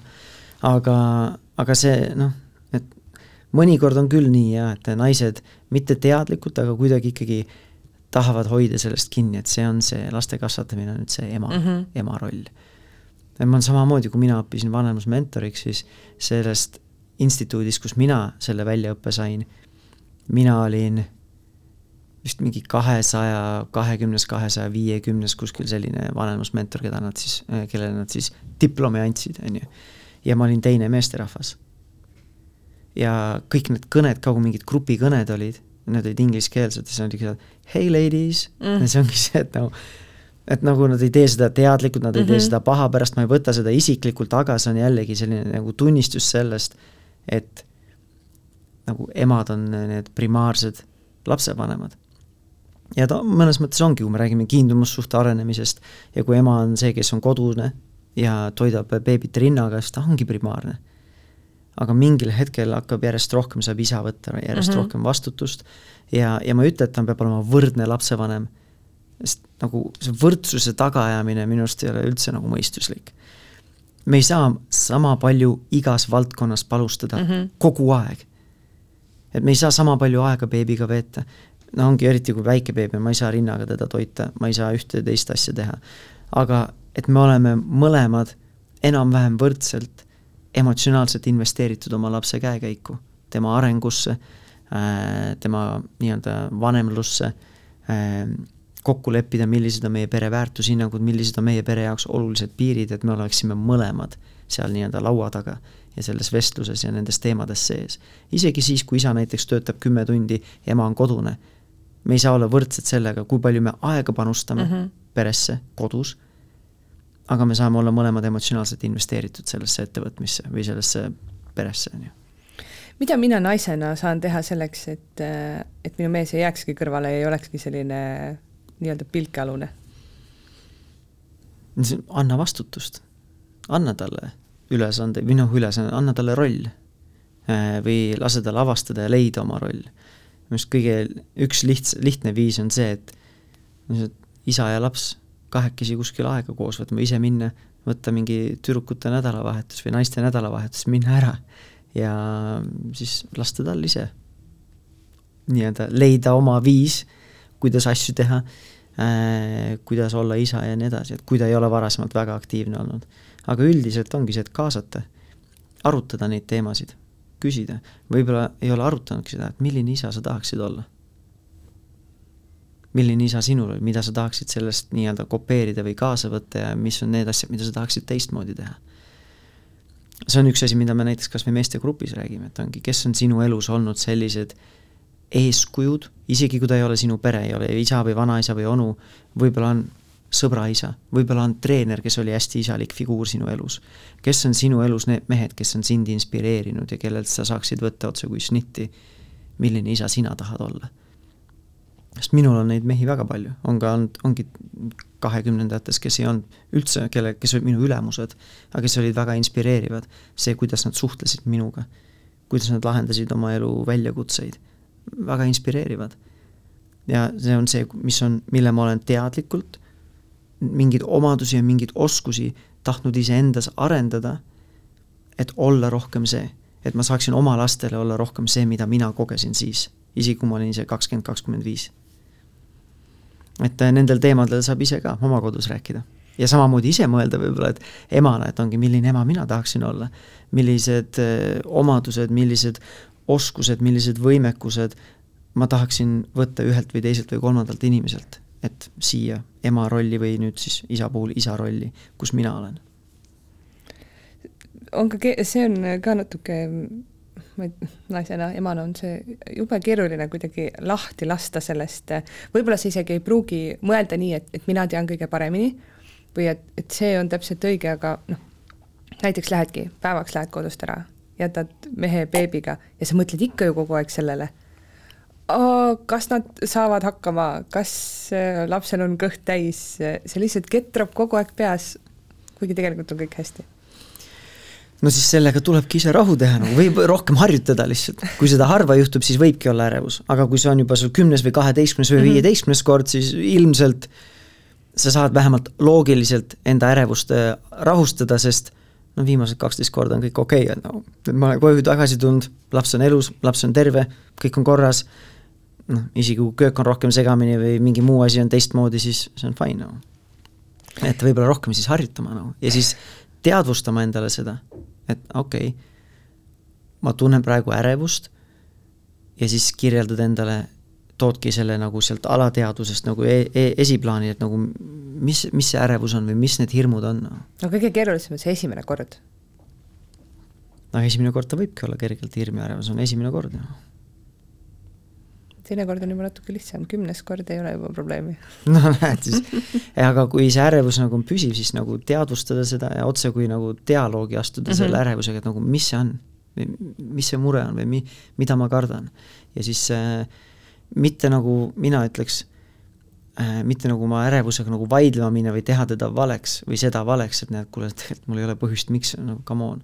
vaid pigem võib-olla sellesse ärevusse suhtuda ka natuke nagu hoolivuse ja emalikkusega, et okei okay,, see on täiesti loogiline, et sul on selline ärevus. ma, ma saan aru, kust see nagu tuleb. Ja siis, et otse kui pakkuda sellele ära, ärevusele ka seda ärakuulatuse ja ära nähtud, nähtud äh, seda tunnet ja siis öelda, siis kui ta on juba natuke rahunenud, et ma usun, et kõik on korras, et me võime vahepeal siis korraks helistada ja kontrollida, kas see on, kõik on korras, on ju. aga mitte iga minut mm -hmm. sõnum saata enam et kuskil nagu see piir panna sinna vahele, on ju millal üldse lapsevanemad jõuavad nii-öelda sinu jutule, et kui sa töötad nendega kas siis üks-ühele või, või paaridega, noh, ütleme, nad ei tule sinu suurele virtuaalsele koolitusele, kas sellel hetkel, kui noh, juhtub mõnikord seda, et, et sa oled ikkagi inimene ja emotsioonid käivad üle või on see ikkagi juba nii, et seda hakkab iga päev juhtuma ja nad saavad aru, et noh, nüüd on täiesti viimane hetk, et ma pean ennast kätte võtma? No tavaliselt on, tavaliselt on ikkagi nii, et kui on niisugune olukord, mingi mõistus on otsas ja ma lihtsalt ei tea nagu, meil ongi mingi korduv teema, mingi korduv muster, me ei saa sellest väljakutsest üle, me oleme püüdnud ühtepidi, oleme püüdnud teistpidi, aga no mõistus on otsas ja ei suuda nagu, ei oska kuskilt otsast alustada sagedasti ongi see, et mul on lapse käitumisega probleem mm. -hmm. lapse käitumisprobleemi on meil vaja lahendada. ja siis me lõpuks jõuame kuskile mujale, võib-olla on hoopis vanema poolt mingi väljakutse, vanemlik väljakutse, enda, enda sees mingi väljakutse, võib-olla on hoopis mingi suhtlemise välja, suhtlemise selline probleem äh, või hoopis lapse ja vanema vahelise suhte probleem. et äh, enamasti meil ei ole vaja hakata äh, last korda tegema enamasti on need, nagu peaaegu alati on need, need probleemi lahendused ja need juurpõhjused kuskil mujal. Kas, kui me nüüd kõik selle äh, põhimõtteliselt kokku võtame, siis äh, kas võib öelda, et enamasti ei ole ikkagi lapsevanema probleem selles, et äh, kuidas oma last paremini kasvatada, vaid see, kuidas ennast siis paremini kasvatada või ennast lahti muukida? Jaa, kas ennast kasvatada või lihtsalt kuidas olla ise siis küpsem ja, ja võimekam inimene, sest lapsed lihtsalt toovad mingid asjad esile mm, -hmm. mis muidu on võib-olla kuskil tagaplaanil olnud meil. eriti kui need on seotud meie enda lapsepõlvega. et siis see otsekui nagu käivitab ja aktiveerib mingid alateadvusse ära peidetud mingid murekohad, mingid kitsaskohad, mingid väljakutsed, mingid eh, mustrid, võib-olla ka traumad Äh, mis on ilusti tahaplaanile jäetud varem või pandud, sest no ei ole vajadust nagu nendega tegeleda. kui need on valusad või kui need on mingeid emotsioone üles kruvivad. aga nüüd, kui meie enda laps tuleb meie ellu, siis paratamatult ta komistab nende päästikute otsa ja ta toob need asjad esile ja, ja see ongi väljakutse, aga teisalt on ta ka siis selline minu arust väga nagu suur võimalus iseendaga tegeleda ja lahendada need asjad ära. ja, ja siis pakkuda enda lapsele seda, mida sa ise võib-olla nendes olukordades ei saanud. Ja läbi selle tegelikult tervendada ka iseennast ja enda sisemist last. mina olen korduvalt nagu vaadanud nagu selles mõttes pisar silmis, et nagu ka silm läheb märjaks ja meel läheb härdaks, kui ma vaatan enda naist oma poega lohutamas, kui tal on olnud raske ja kui ma tean, et mina sain selle eest karistada. Ja siis ma vaatan seda ja ma nagu tunnengi otse, kui mind hoitaks sellel hetkel. ja mu naine on öelnud samamoodi, kui mina meie lapsi hoian või nendega eh, mingid kas või rahumeelselt püüan piiri hoida ja nii edasi, et et ongi, kui tema oleks saanud rihma kodus või karistada või pahandada selle eest ja kui ta, kui meie nüüd nagu kirjutamegi, et meie põlvkonnast meie lastele neid asju edasi ei lähe mm. -hmm et siis sa otse kui koged seda ise ka või sinu enda sisemine laps kogeb seda ka ja sa saad läbi selle ennast ka tervendada. sa oled äh, oma teadmised äh, ja ma eeldan, et ka kogemused äh, pannud nüüd rahumeelse vanemluse käsiraamatusse. miks sa otsustasid raamatu kirjutada, kui, kui juba nii palju inimesi on tegelikult sinu käest abi saanud?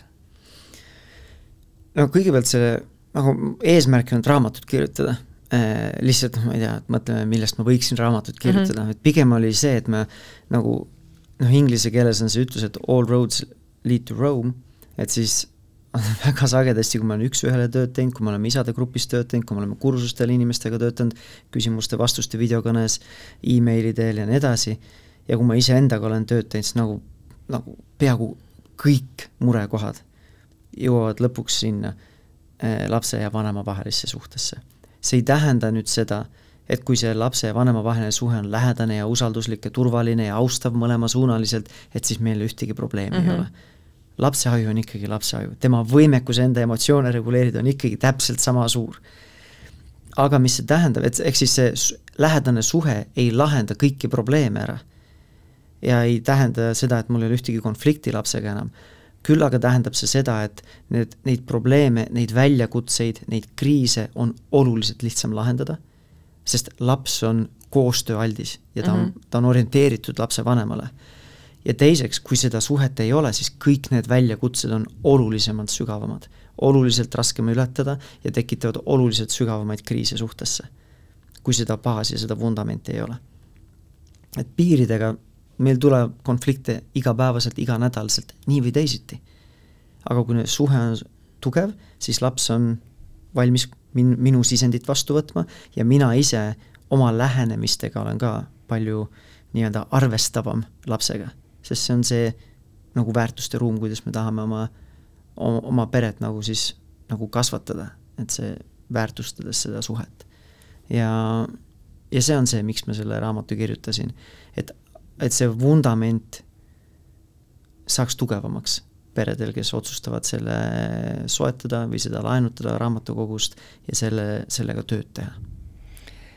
oli sul seda selles mõttes lihtne kirjutada, et sa tegeled ju nende teemadega igapäevaselt, et äh, tõstsid lihtsalt koolitusmaterjalidest raamatusse või, või pidid sa ikkagi seda, võttis see kaua aega, selle kokkupanek?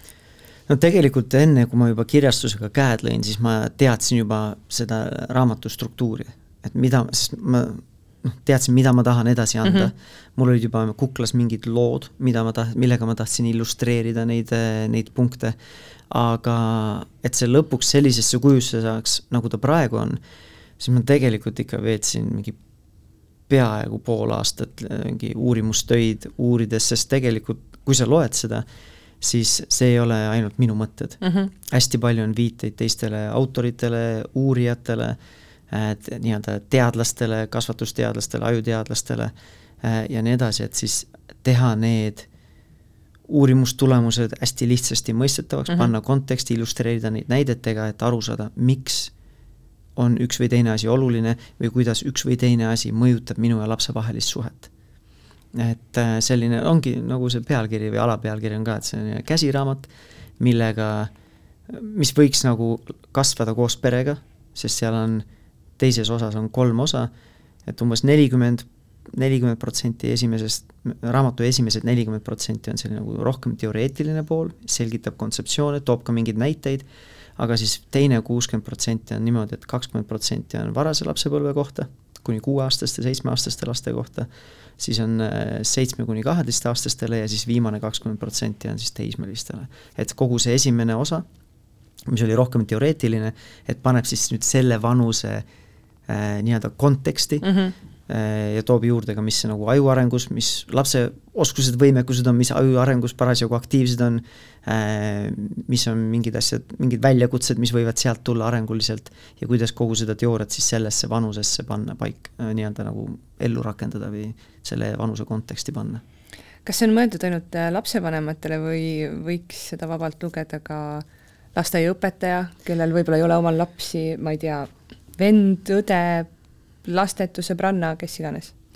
ma ütleks, et see sobiks lugeda kõigile, kes tegelevad lastega. kas enda kodus või siis lastelaste näol või kui on hästi aktiivne onu või tädi, kes laste elus omab aktiivset nagu rolli mm, -hmm. et ta on emotsionaalselt investeeritud lapse arengusse ja ta veedab selle lapsega ka aega. et siis selle kriteeriumi järgi põhimõtteliselt kõik, kes lastega kas töötavad või lastega elu jagavad Tanel, aitäh sulle väga põneva vestluse eest. see raamat on juba, esimene trükk on äh, juba vist äh, otsas, jah? jah, see raamat siin laua peal on juba teisest trükist, jah. loodame, et ka teisel läheb sama hästi ja et, et lapsevanemad leiavad ka edaspidi väga palju tee sinu, sinu juurde ja sinu koolitustele. aitäh aitäh kutsumast ka! ja aitäh kuulamast!